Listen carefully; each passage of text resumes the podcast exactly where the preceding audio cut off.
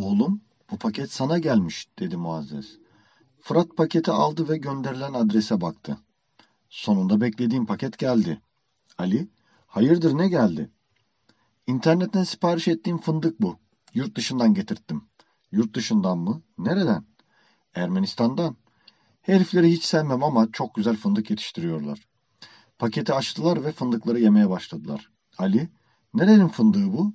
Fırat, Ordusyan fındığı. Saint Gresinian fındığı daha güzel diyorlar. Bir sonrakini de oradan sipariş veririm o zaman dedi Fırat. Sonunda adamı nerede gördüğünü hatırladı.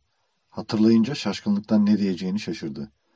Mete biraz öne eğildi ve yüzü ışığa çıktı. Ali'nin gözleri fal taşı gibi açıldı. Mete Erinç'i gördü. Başbuğ bu adam mıydı? Olamaz ama nasıl? İçinden söyledikleri bile saçma olan Ali konuşmaya çalışmadı bile. Mete babacan bir tavırla gülümsedi. Bu adam benim babamı öldüren casusun oğlu. O casusa ulaşamıyorum. Emekli oldu ve izini kaybettirdi. İntikamımı almak her ne kadar bana düşse de bunu senin yapmanı istiyorum. Çünkü bu casusun babası aynı zamanda senin babanın ve amcanın da katilidir. Bunu benden daha fazla hak ettiğini düşünüyorum. Niki, neden burada olduğumuzu sana defalarca anlattım. Evet baba anlattım. Ama ben hala anlayamadım. Anlattıklarımdan ne anladığımı söyleyeyim mi? Senin ve Hoder'in saçma masallara inanıp boş bir hayal peşinde koştuğunuzu anladım.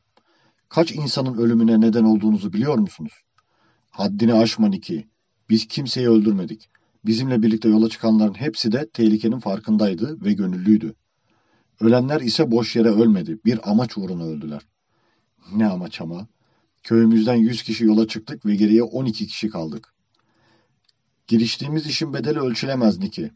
Değil 100 kişi, 1000 kişi bile ölse bu amaç için değer. Baba, gel bu işten vazgeçelim. Kuzeye, güvenli topraklara gidelim. Köyümüze dönelim. Buraya kadar gelmişken bu söylediğin şey söz konusu bile olamaz. Niki sesini yükseltmeye başladı. Lanet olsun baba, Türk diye bir şey yok. Onlar sadece masal kahramanları. İnançlılarmış, hepsi de savaşçıymış. Ellerinde modern silahlar varmış ve insanlığın iyiliği için savaşıyorlarmış. Ha, bir de ölümden korkmuyorlarmış. Baba sen kaç yaşındasın? Bu masallara inanmak için yaşın çok büyük değil mi? Başkan Thomas, Profesör, sekreterime çok önemli bir konuda görüşmek istediğinizi söylemişsiniz ama konuyu sadece bana söyleyeceğinizi belirtmişsiniz. Samuel, evet Sayın Başkan. Nedir bu önemli konu? Sayın Başkan, bu sabah Plüton yörüngesine yerleştirdiğimiz uzay teleskobundan bir görüntü aldık. Güneş sistemine doğru gelmekte olan bazı cisimler fark ettik. Meteor mu? Hayır. Bu cisimler akıllı bir zeka tarafından yapılmış. Yani meteor veya kuyruklu yıldız değil. Tam olarak hangi yöne doğru ilerliyorlar? Şimdilik güneşe doğru ilerliyorlar. Fakat varış noktalarının güneş değil, dünya olacağını değerlendiriyorum. Thomas içten bir kahkaha attı. Thomas, yoksa uzaylılar dünyayı işgale mi geliyor? Samuel, senin gibi ciddi bir bilim adamının bu tür saçmalıklara inanacağını düşünmezdim. Peki Sayın Başkan, o zaman bu görüntülerin ne olduğunu bana siz söyleyin. Thor ve Loki'nin arasındaki çekişmeyi bilir misiniz Başkan David? David cevap veremedi. Bu isimleri hiç duymamıştı. Barış konuşmaya devam etti. Thor ve Loki eski İskandinav mitolojisindeki tanrılardan ikisidir. Loki yaramaz ve şakacı bir tanrıdır. Fakat yaptığı şakalar ve haylazlıklar büyük felaketlere neden olur. Loki her haylazlık yaptığında insanların kahramanı Thor ortaya çıkar ve Loki'nin kurnazca yaptığı şakaları kaba kuvvetiyle düzeltir. Thor'un kurnazlık yapmasına gerek yoktur. Çünkü o kadar güçlüdür ki buna ihtiyaç duymaz. Kendinizden çok eminsiniz Sayın Başbuğ. Fakat şunu da söylemeliyim ki biz Loki değiliz. Bunu göreceksiniz. Sonuna kadar savaşacağız dedi yumruklarını sıkarak. Barış'ın küçümseyici konuşması David'i kızdırmıştı. Barış, karşında Thor'dan daha güçlü ve Loki'den daha kurnaz bir düşman varken sana pek şans tanımıyorum. Piyonlarının ikisini ve atlarını aldım. Yeni hamleni yap bakalım dedi. David, Thomas'ın yanına geldi ve samimi bir şekilde el sıkıştılar. Bu işi tam anlamıyla bitirmenin zamanı geldi dedi David. Telsizde Ferguson sesi duyuldu. Karargah, Türkler geri çekiliyor. Hareket tarzımız ne olacak diye sordu.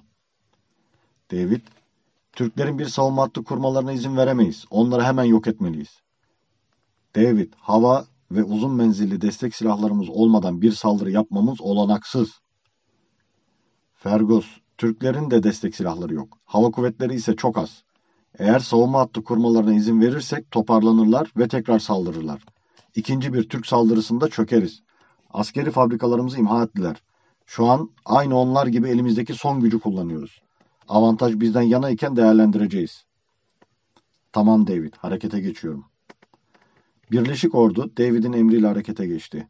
Tanklar hızla hareket ediyordu fakat avarlara yetişemiyorlardı. Avarlar çok hızlı koşuyordu.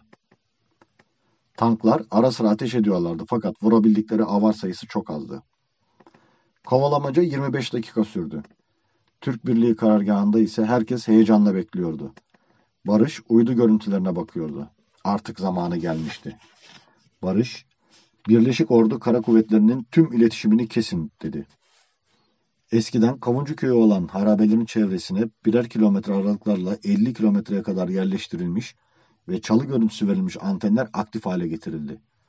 Antenler Birleşik Ordu telsiz sisteminin kullandığı her frekansta karıştırıcı sinyaller göndermeye başladı. Fergus, Barış'ı dinledikçe o ana kadar Türkler hakkında bildiklerinin aslında ne kadar az olduğunu fark ediyordu. Fergus, peki neden geri döndünüz Sayın Başbuğ? Burası bizim de evimiz. Üstelik dünyadakileri kurtarmanın da vakti gelmişti. Atalarınızın katlettiği insanları kurtaramadık. En azından bugün yaşayanları kurtarmalıydık. Ama neden? Bu insanları kurtarmak için bu kadar zahmet neden? Siz de kayıplar verdiniz. Tarihimizi biliyorsan bizim de Tanrı'nın yeryüzündeki kılıcı olduğumuzu bilmen gerekir.